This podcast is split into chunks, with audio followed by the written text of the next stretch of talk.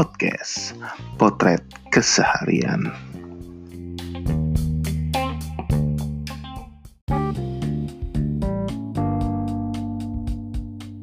Oke guys, kita kembali lagi di podcast Potret Keseharian bersama gua Febri.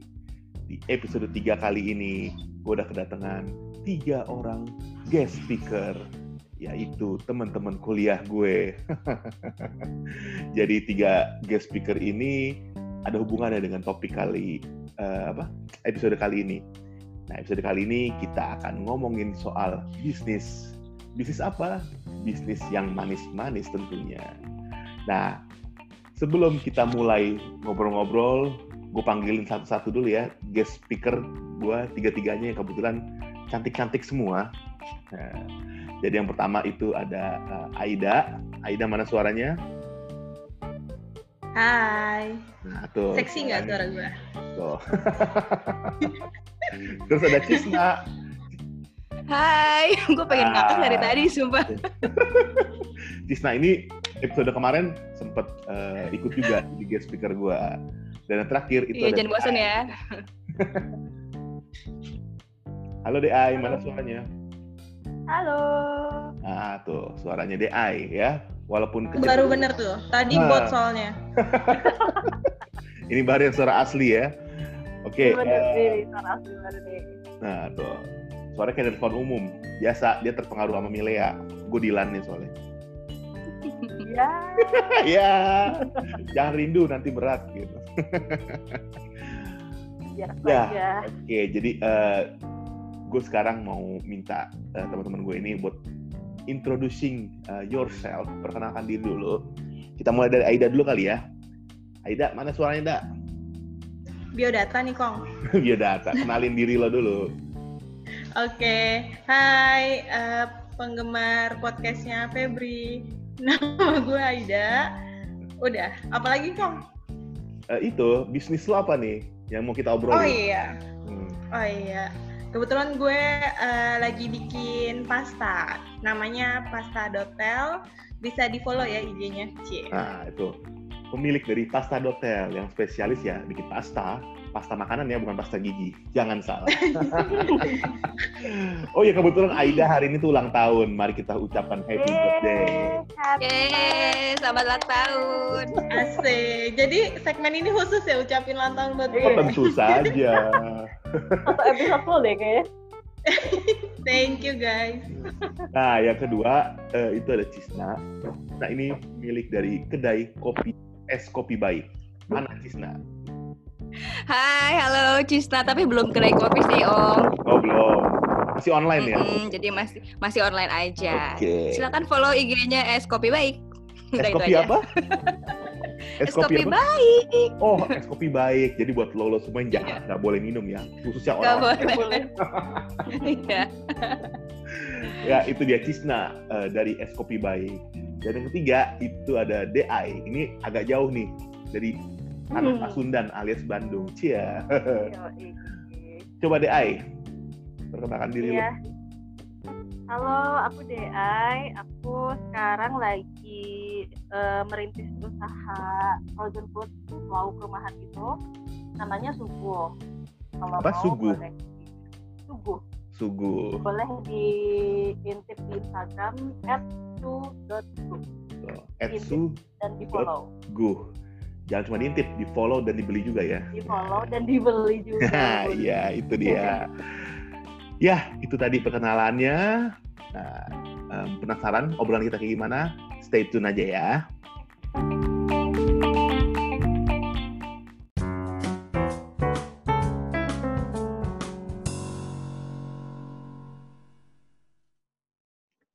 Oke, jadi uh, sekarang gue bakal ngobrol-ngobrol dengan kalian bertiga. Uh, topik kita hari ini itu tentang uh, bisnis berbisnis yang manis. Kenapa gue bilang manis? Karena selama ya pandemi ini selama kita di rumah aja itu yang gue lihat bisnis yang paling naik yang paling banyak ya teman-teman gue bikin itu kuliner jadi banyak banget teman-teman gue termasuk kalian kalian-kalian bertiga nih uh, bikin bisnis kuliner dan alhamdulillahnya gue lihat emang pada apa ya pada laku gitu. Pada laku terus uh, gue juga nggak senang gitu. Gue kan seneng uh, kulineran juga seneng ya menelusuri menelusuri makanan-makanan yang enak minuman yang enak gitu. Nah gue seneng nih di uh, selama kita di rumah aja itu banyak teman-teman gue yang belajar masak terus uh, belajar usaha dan kombinasi keduanya. Usaha yang temanya masakan makanan atau minuman gitu nah tapi uh, sebelum kita lebih lanjut lagi nih gue penasaran.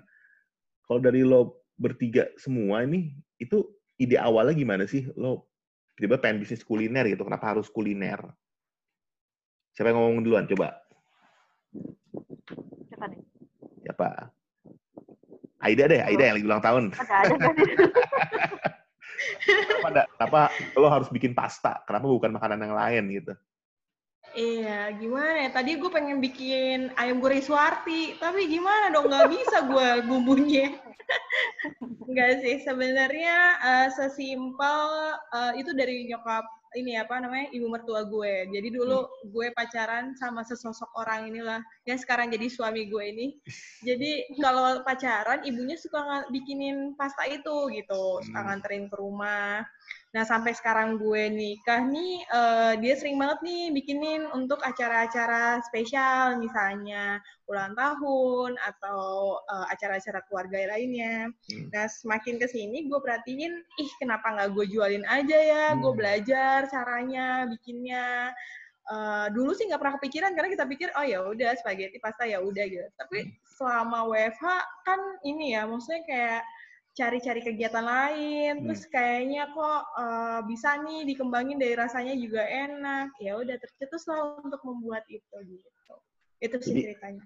Jadi memang ide awal tuh dari masakan mertua lah ya? Nah ya, itu ah. asli banget bener-bener masakan mertua gue. Tapi selama ngejalanin bisnis ini, uh, lo tuh yang masak tetap mertua, apa lo ikutan masak juga, ikut belajar masak, atau full dikasih ke uh, mertoku lo, mertoku tuh mertua?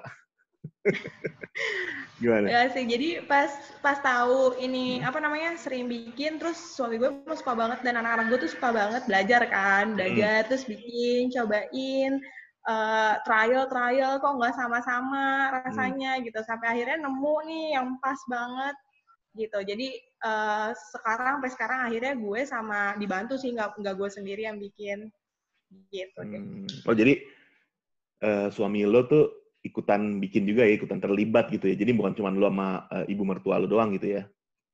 Oh, iya sih, tapi uh, suami gue lebih ke ngerecokin ya kayaknya. admin ya, jadi admin. Admin. Iya, hmm, dia admin. Dia jabatan dia admin. admin. Dia minta-minta naik jadi direktur kan jauh banget ya dari admin supporting ke direktur. Berarti ini dong, uh, suami lo jadi admin. Berarti namanya berubah jadi Korea ya? Kan namanya Ogi tuh. Min, Mingi ya, Mingi. Ogi Korea Mingi, banget. Iya, Ogi Mingi. Korea oh, banget. Oh, jangan sebut nama suami gue dong. Oh gue iya. Gue pengen itu undercover, jangan sebutin nama dia. ya, kita sebut aja uh, Mingi dah, Mingi. Mingi. Iya, Mingi.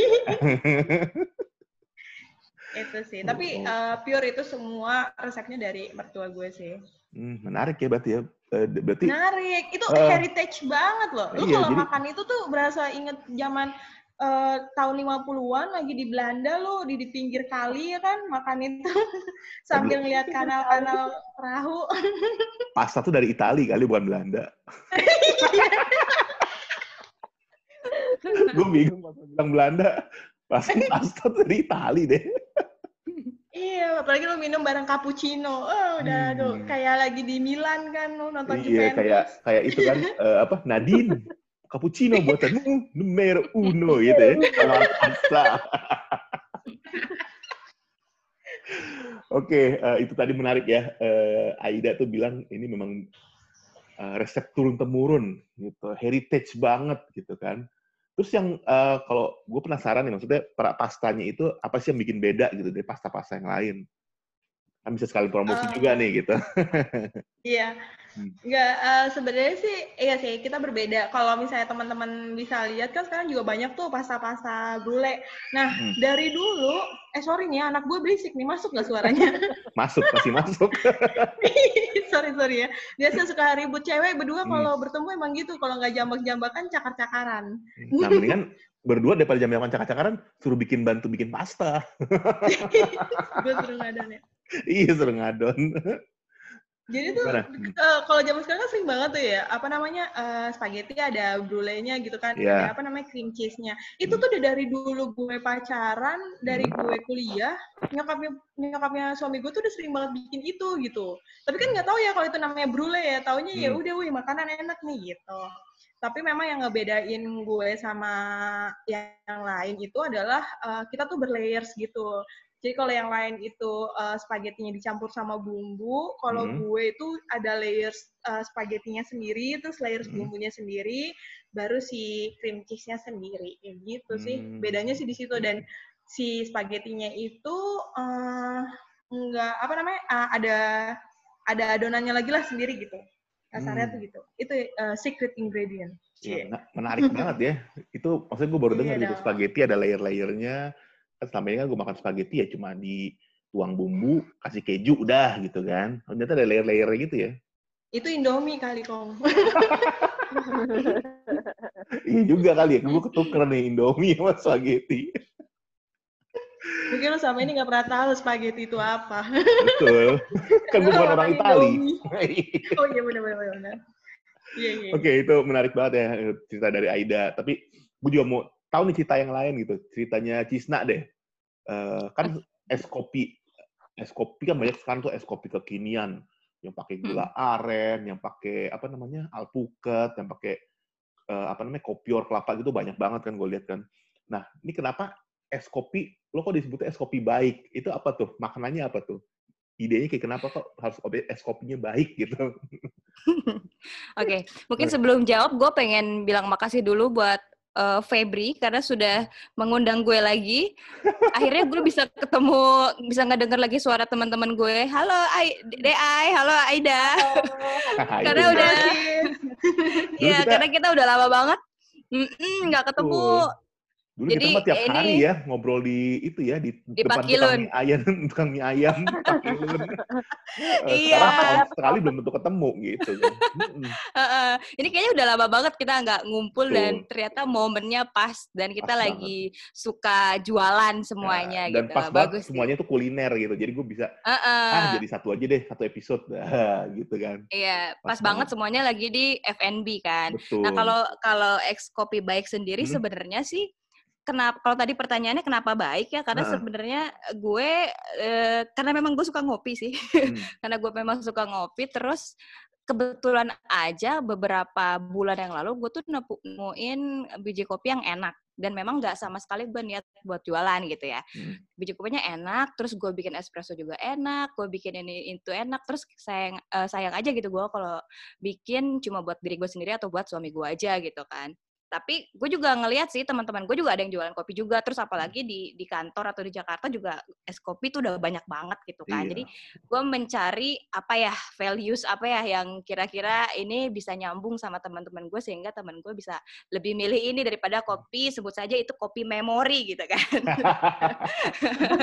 Yang atau ini ya, kopi. yang, yang investornya tuh yang rapper Amerika itu ya, rapper Amerika. iya betul ya kan. karena karena nggak mungkin nggak mungkin kalau gue mengalahkan level kayak kopi Ah, memori iya. atau kopi itu gitu kan jadi gue harus mencari values yang lain makanya kalau gue sih nggak apa ya maksudnya nggak terlalu niat banget eh, wah ini harus harus menghasilkan cuan banget sih enggak Hmm. sih ini, ini karena purely karena gue suka ngopi terus gue pengen eh, si rasa kopi yang enak ini dan rasa Hmm. kebaikan ini yang gue rasakan dari kopi itu itu Hmm. bisa kena ke teman gue gitu jadi ya alhamdulillah ternyata itu dapet gitu dan gue juga amazed sih wah ternyata satu minggu ini gue jalan kok banyak yang mesen gitu jadi ya udah deh gue lanjutin aja gitu sih paling om Mantap. Mm-mm. Berarti memang apa namanya ini kayak semacam manifestasi dari passion lo. Cia, passion lo kan memang Iya asik bahasa gue berat banget ya. gila Udah berat kayak- berat udah kayak ekonom. Kamu Tapi Febri gue- Kasali ya? Tapi maksud gue, ya lo kan demen Hmm. kopi, terus eh, Mm-mm. tau lah ngerti lah soal kopi-kopian gitu.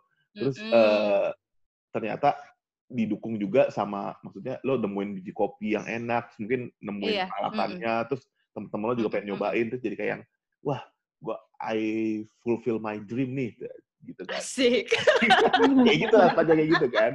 Iyalah, gitu kan oh, eh, dan gitu. eh, emang pa- pas banget itu momennya kan eh, es kopi Pas, kekinian itu kan sekarang kayak minuman kebangsaannya ini ya para para eksekutif muda ya ya kan kayak Bye lo. lihat aja di Instagram gitu kalau temen Hmm, gue hmm. yang lagi kantor atau di mana gitu pasti fotonya tuh laptop sebelahnya tuh kopi yang kekinian Oh, atau oh enggak gitu. misalnya meja eh, rapat terus sebelahnya kopi kekinian selalu kayak gitu dan gue juga kan gue kan juga eh, kerja eh, apa namanya hmm. biasa kan kerja di eh, training kan itu juga kadang-kadang suka dibeliin juga tuh kopi-kopi kekinian nah gitu ya kayak ini minuman kebangsaan sekarang ya kopi kekinian gitu dan emang pas banget ya Iya. momen lo gitu eh, orang lagi lagi Betul. hype banget gitu sama kan memang setahun dua tahun belakangan emang es kopi itu kan lagi ini banget kan Iya, terus di samping itu juga gue karena lagi WFH juga, terus Mm-mm. mikir kayak, aduh sayang ya, ngapain dong ini eh, waktu yang kayaknya energi gue di rumah banyak gitu. Kalau gue Iya. nyiapin misalnya sore-sore, biasanya kan gue pulang agak malam nih kan, sekarang sore di rumah udah ada gitu kan. Kalau gue nyiapin sore, terus besoknya bisa gue bawa ke kantor Nah. gitu, untuk pas WFO. Jadi kan ya Hmm. udah cocok aja Sekali gitu, mendayung, blessing lah. dua tiga pulau terlampaui gitu lah ya Betul, betul, betul. Ya begitulah. Nah, terus eh, apa namanya ini nggak? Maksudnya lo eh, bisnis yang es kopi baik ini itu sendiri gitu? Atau memang eh, ada suami yang ikut terlibat gitu? Atau kayak tadi kan Aida suaminya ibu mertuanya ikutan terlibat. Nih kalau lo ini Mm. sendiri atau dibantu sama suami gitu? Atau emang ibu mertua atau bapak mertua gitu karena gue tinggal cuma berdua, terus Mm-mm. memang pertamanya gue bikin sendiri aja sih. Jadi Mm. suami gue cuma quality control aja, cuman bir ini enak nggak? Kurang ini deh kayaknya. Bir enak nggak? Gitu. Jadi lama-lama dia kembung sih nyobain kopi. bukan es kopi baik dong namanya es kopi kembung kembung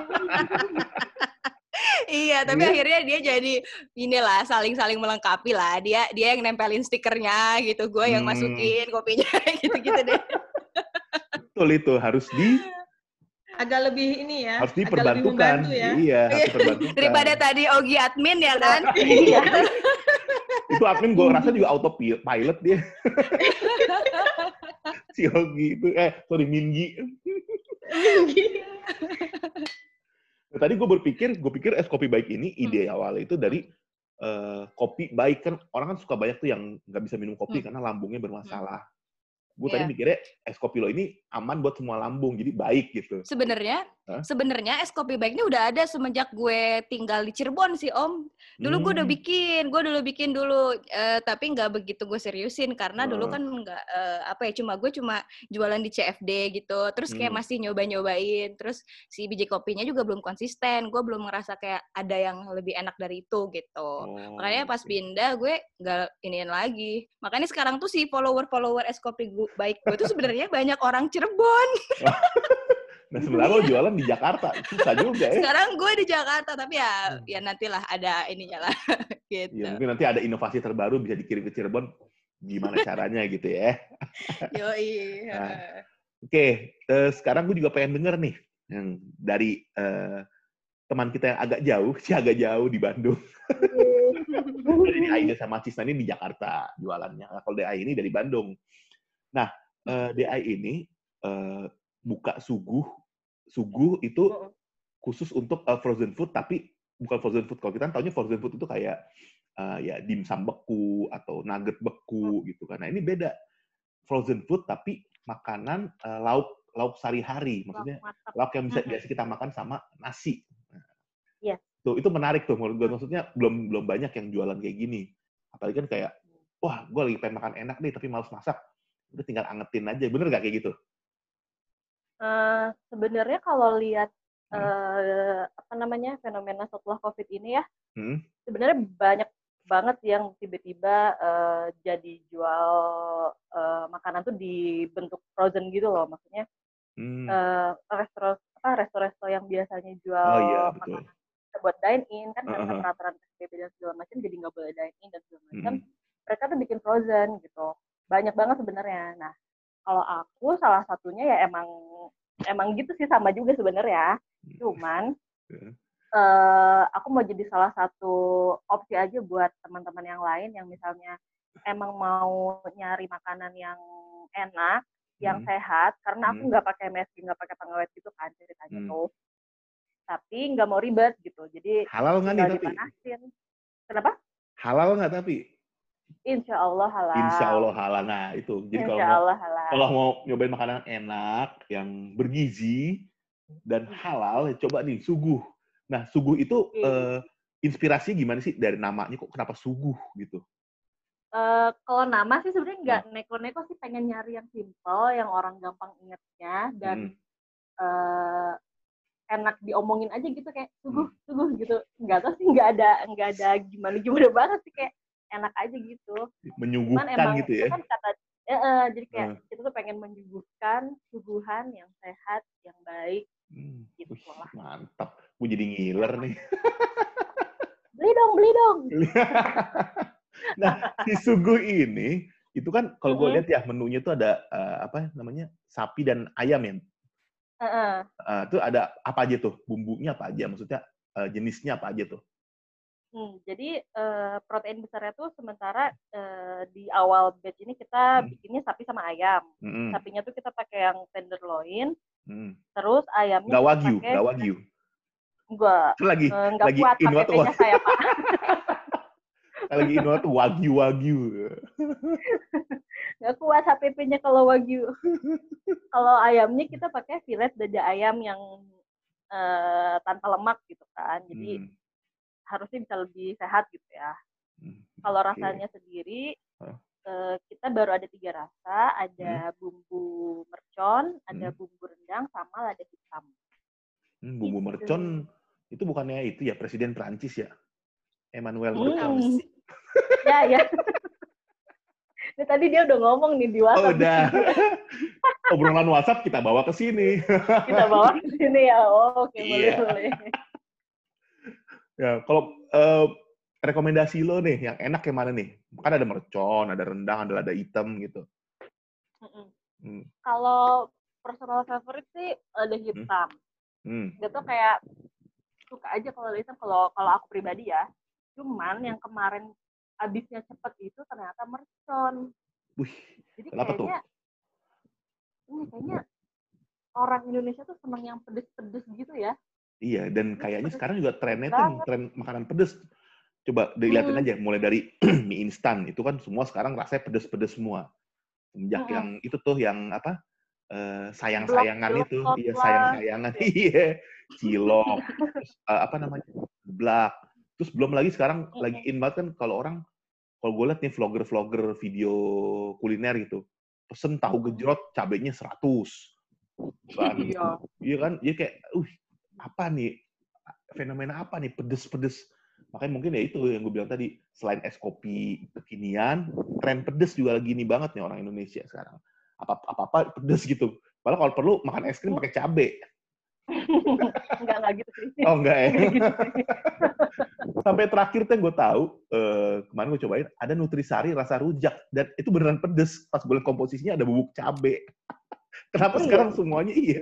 Kenapa sekarang semuanya itu harus pedes gitu? Tapi ya maksudnya Iya, kalau gue sih malah ngeliatnya ini peluang bisnis juga buat suguh gitu. Jadi bisa Hmm. menyajikan makanan enak dan pedes sesuai tren. Gitu. Mm-mm. Tapi ya kalau gue sih nggak kuat pedes. Jadi gue nggak, kalaupun mesen nggak bakal mesen mercon. Kayaknya gue mesen yang rendang atau lada hitam sih. Hmm. Gue nggak Iya, kuat pedes. soalnya kemarin tuh si si mercon kita tuh emang emang sengaja dibikin pedesnya pedes loh karena eh, si varian yang kita luncurin pertama kan ada Hmm. rendang, ada lidah hitam, ada mercon kan. Nah, si rendangnya sengaja kita bikin light, kita bikin yang safe gitu loh bisa semua orang Hmm. tuh bisa makan gitu sampai Mungkin gitu lebih kita. rempah kali ya. Terus si Mm. Hmm. terus si lada hitamnya kita bikin yang pedes-pedes anget gitu yang aman lah masih bisa Hmm. dimakan gitu. Nah merconnya emang sengaja kita bikin yang Pedes pedes, banget. banget.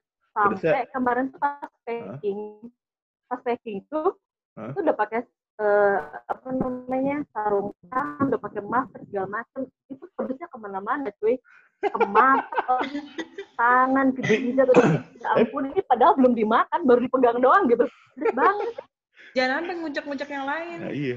Tapi pedesan, Pedesan. pedesan, gue mau nanya sama lo, pedesan bumbu mercon lo apa omelan mertua? Waduh Aduh. aduh gimana ya Aduh, susah dijawab guys. Jawab aja jujur deh, Ay. guys Tapi tapi di bisnis pedes eh, mercon gue sih kayaknya mercon lo, oke. Tapi di bisnis yang sugu ini, Hmm. eh, lo itu sendiri atau sama teman atau dibantu suami atau gimana? Nah, Hmm. lucu nih ceritanya. Jadi kalau si subuh ini sebenarnya eh, aku berdua kan sama temenku. Anak psikologi juga nih. Pada tahu nggak Lita? Lita 2009? Oh, tahu, tahu, tapi lupa mukanya yang mana. tahu gue.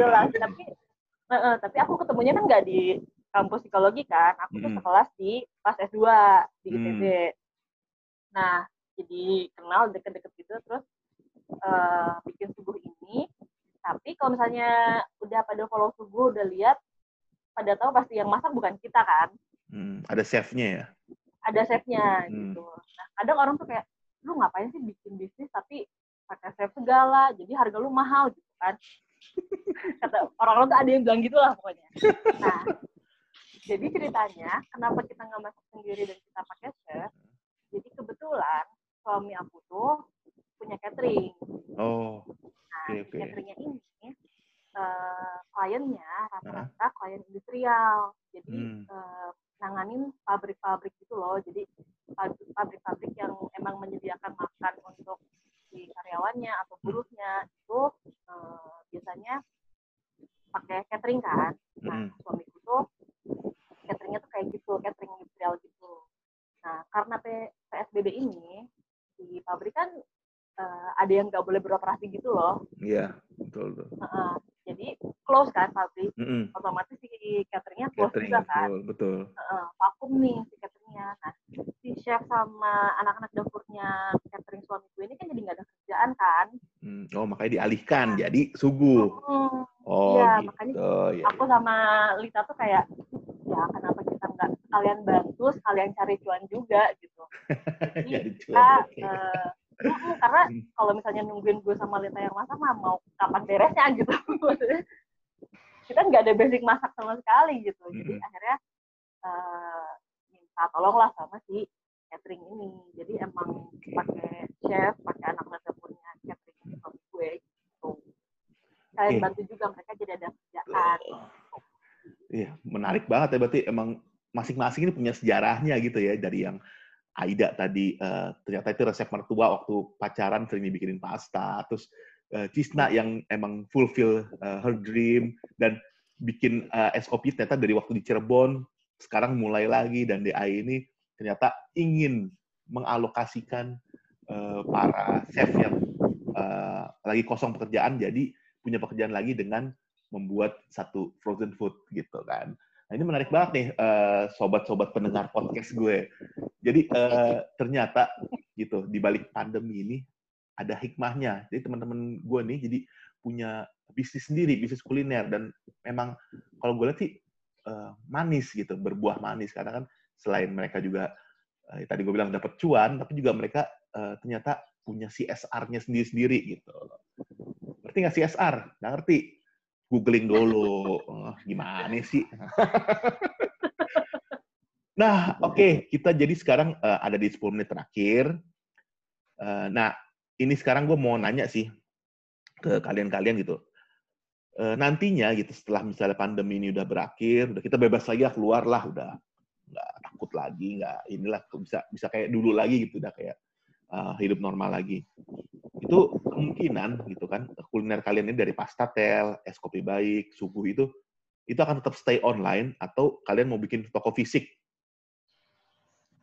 kayak yang gue tahu kan kayak sekarang tuh banyak tuh selebgram selebgram bikin eh, contohnya lah yang gue sebut merek ya misalnya kayak Momo Maru gitu itu eh, awalnya kan dia online bikin eh, salmon kanimentai sama es kopi eh apa es regal itulah susu regal sekarang mereka bikin eh, toko fisiknya di daerah Kemang kalau nggak salah atau radio dalam gitu nah kira-kira kalian mau ngikutin jejak kayak gitu atau stay online aja nih? Gimana? Gimana yang lain? Coba Siapa dulu nih yang jawab? Siapa dulu? Tunjuk Aida lagi deh. Aida ulang Aida tahun. lagi, Aida yang ulang tahun. Yang ulang tahun, yang ulang tahun. Woi, jangan dong.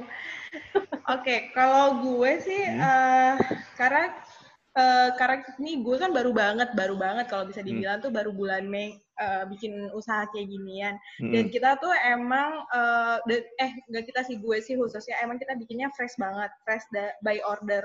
Makanya Hmm. kita selalu open PO di setiap hari eh, Sabtu dan Minggu aja. Hmm. Nah, eh, jadi setiap ada PO, ada eh, pesanannya masuk, baru kita bikinin tuh fresh. Eh, nah, selain hari Sabtu dan Minggu, kita nggak akan eh, sediain pengantaran karena memang karena gue masih kerja di Mhm. hari weekdays, gue nggak bisa buat.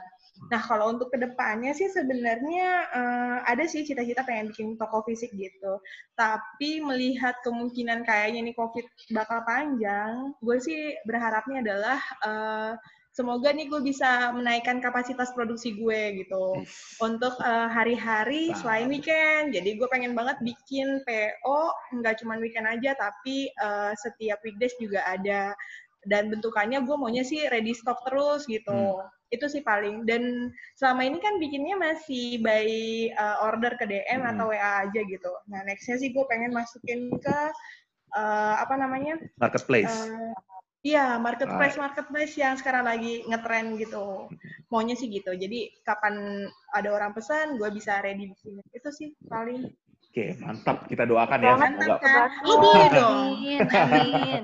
Jadi gitu, Iya, guys. Kalau mau beli, kalian Eh ya tapi dulu. lumayan sih. Maksudnya, eh iya soalnya banyak banget orang yang bilang eh, orang tuh yang pesan tuh justru di weekdays gitu. Sedangkan gue tuh, eh, aduh mbak nggak bisa, bisanya Iya. weekend doang. Nah gitu. Buat karena emang makan-makan di kantor kerja kali ya. kan. Eh, iya betul betul karena mereka mau buat di kantor. Mereka Iya, betul. biasanya maunya bawa buat ke kantor karena nggak mau makan jajan di luar. Jadinya Mm-mm. mereka mau bawa sendiri gitu dari rumah. Sedangkan itu masih belum bisa. Semoga nanti gue bisa buka di weekdays terus kalian bisa. Amin, amin. Nah, itu dia. Jadi kalau ready PO stock kan Bandung, enak PO gitu kita mau. Bandung, Hmm. bos, please. Iya, ini udah banyak banget yang nanya PO Bandung. Nah kan tadi balik lagi tuh itu ringkih banget ya makanan itu. Iya. Makanannya tuh ringkih banget. Jadi eh, daripada nanti kalian uh, hancur kan sampai di sana, udah ini mendingan kalian yang ke Jakarta, gue masakin di rumah tuh, ya kan? Bener ya? bener langsung ya? iya langsung nanti admin gue yang nge-serve ya. Oke, kalau Cista gimana? Es kopi baik. Kira-kira mau stay online atau ada toko fisiknya nih? Kalau gue sih sebenarnya eh, nggak banyak terlalu banyak berekspektasi gue harus gini-gini gitu enggak sih ya. Hmm. Tapi tet- tetap sih pengen target harus ada. Gue pengen Hmm. punya eh, perusahaan sendiri pasti gitu kan. Tapi bukannya harus ke toko fisik kan sekarang kalau coffee shop juga eh, udah kayak gini ya situasinya mungkin agak susah. Gue pengen lebih ke gerak ke online semua. Cuman tetap gue butuh kitchen aja sih buat bikin Oh. kopinya. Karena kan kalau sekarang bikin di rumah nggak mungkin kan kalau ada orang gitu yang kerja. Paling ya itu paling kitchen dan eh, untuk penjualan tetap di online, sih, Online. gitu. Berarti emang kalau lo gimana? Pre-order apa by order nih? Maksudnya Gue masih pre-order. pre-order sama ya berarti ya sama kayak Mm-mm. Aida juga ya. Oke, eh, berarti memang kitchen terus eh, masih pre-order gitu ya karena eh, mungkin Mm-mm. kalau di dapur rumah itu kalau pesanannya banyak agak susah tuh. Betul. Eh, nyampur kan sama lo lagi masak rendang, lo bikin Yoi, kopi. masak lele ya kan, Masak lele. goreng lele. iya, ntar kopinya boleh lele. kalau kitchen sendiri kan iya loh gue gue gue kalau misalnya lagi masak kayak gitu gak boleh ada yang masak apa apa loh selain gue Iya. masak sendiri itu emang nyampur soalnya. Iya, nyampur baunya kan Gitu. even ngebakar juga nggak boleh ngebakar Iya. kue Nah kalau DA gimana nih? Kalau yang Aida sama Cista kan stay online gitu kan. Kalau lo gimana? Kalau subuh sih sebenarnya kalau plan-plannya kita kemarin udah bikin banyak banget plan kan kayak pengen Hmm. ada rasa baru, pengen ada protein baru juga, Hmm. kayak pengen nanti ada paru, ada kikil, gimana? Wih, mantap itu. Hmm, tungguin ya. Itu sama paling kalau eh, goals yang besarnya untuk Hmm. Jangka panjang sih pengennya masuk supermarket gitu sih biar Ih, lebih gampang keren. dijangkau gitu loh sama Iya. teman-teman nggak harus pakai ongkir Mm-mm. paksel ongkir grab segala macam gitu pengennya sih Mungkin masuk ke supermarketnya yang juga yang yang ada. atau ke minimarket minimarket yang itu tuh yang minimarket keluarga tuh yang bisa diangetin makanannya itu kan enak juga tuh. yang Minimarket yang kuning merah biru. iya, minimarket keluarga. Kuning merah Ah, biru iya, juga. iya. iya, eh, kan bisa Hmm, ngangetin iya, makanan bisa, tuh, bisa. gitu kan. Enak juga tuh. Mm, mm, mm. Mm-mm. ya pokoknya pengen lebih bisa eh, dijangkau sama teman-teman yang lain lah gitu siapa tahu emang kayak keberatan kalau ongkir dari Bandung gitu dari Jakarta Iya. kalau misalnya udah Oh tentu, di tentu. toko-toko. Minum Ya, ya. kalau gitu. Nah, oke. Jadi itu eh, harapan teman-teman kita goals ke depannya. Jadi ada yang mau buka online, ada yang nanti mau bikin jadi eh, apa namanya? Eh, frozen food yang bisa didistribusikan ke supermarket atau minimarket gitu. Nah, Kita doakan semoga semuanya tercapai dan makin sukses deh. Amin. amin. Amin. Sebelum gue closing nih, aduh, bentar banget gitu obrolan kita 40 menit bentar banget. Iya kok nggak berasa banget Iya, itu. makanya. Makanya. Nah, sebelum gue tutup nih, gue pengen denger nih satu-satu promosi ini deh, produk kalian. Gimana? Coba dari DI dulu. Promosinya. aku Hmm. oke pokoknya teman-teman yang dengerin podcast Febri yang mau nyobain makanan rumahan yang kelas bintang 5 lah ya yang Hmm. sakit loh gitu tapi eh, gampang disajiinnya tinggal diangkat aja itu bisa pesan suguhannya ke app to.food langsung aja ke sana di sana ada menu-menunya ada harganya segala macem nanti bisa klik link di bio-nya WA-nya nanti langsung aku yang Oke, itu ya. Pokoknya follow dan pesan di su follow dan f2.gu. Nah, follow dan pesan di situ ya. Kalau es kopi baik gimana? Promosinya nih. Eh, buat teman-teman yang suka ngopi yang sensasinya lembut tapi tetap berasa kopi seputaran Jakarta dan Tangsel silakan follow es kopi baik Nah, itu ya. Jangan lupa follow di Instagram es kopi baik. Silakan pesen Ya. es kopi kekinian yang kalian suka. Gitu. Kalau Fastatel gimana nih, Pastatel? Promosinya?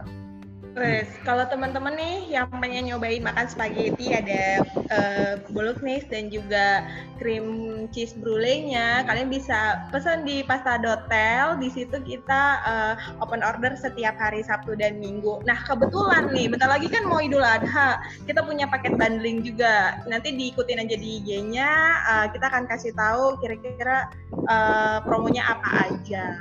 Nah, Gitu. itu ya teman-teman Gitu. ya. Kalau mau makan yang enak, pasta yang enak, spaghetti tadi eh, cream brulee gitu. Ke pasta.tel aja di Instagram @pasta.tel gitu kan. Pesen yang banyak. Mm-mm. Ih, buat Idul Adha biasanya uh, ngumpul-ngumpul sama keluarga Nah, tuh suka ada yang beli enak, paket iya. gede. Jadi sambil makan pasta, pakai eh, ayam bumbu Sampai nungguin sambil minum nungguin kopi kambing baik. dipotong, Ya, kopi baik. enak tuh. Gabung semua kan, mantap. Oke. mantap Jadi segitu aja podcast kita kali ini. Terima kasih buat teman-teman yang udah gabung dan yang udah terima kasih juga. terima Nah, kasih jangan lupa di episode kali ini kita ada giveaway. Gimana giveaway-nya? Pantengin aja ya di Instagram gua @abifebri. Oke. Salam Oke. podcast. Dadah. Hai. Bye. Thank you, Cisna. Thank you, Dea. Sama-sama deh, Ai, Ayu. Yo. Aida, bye.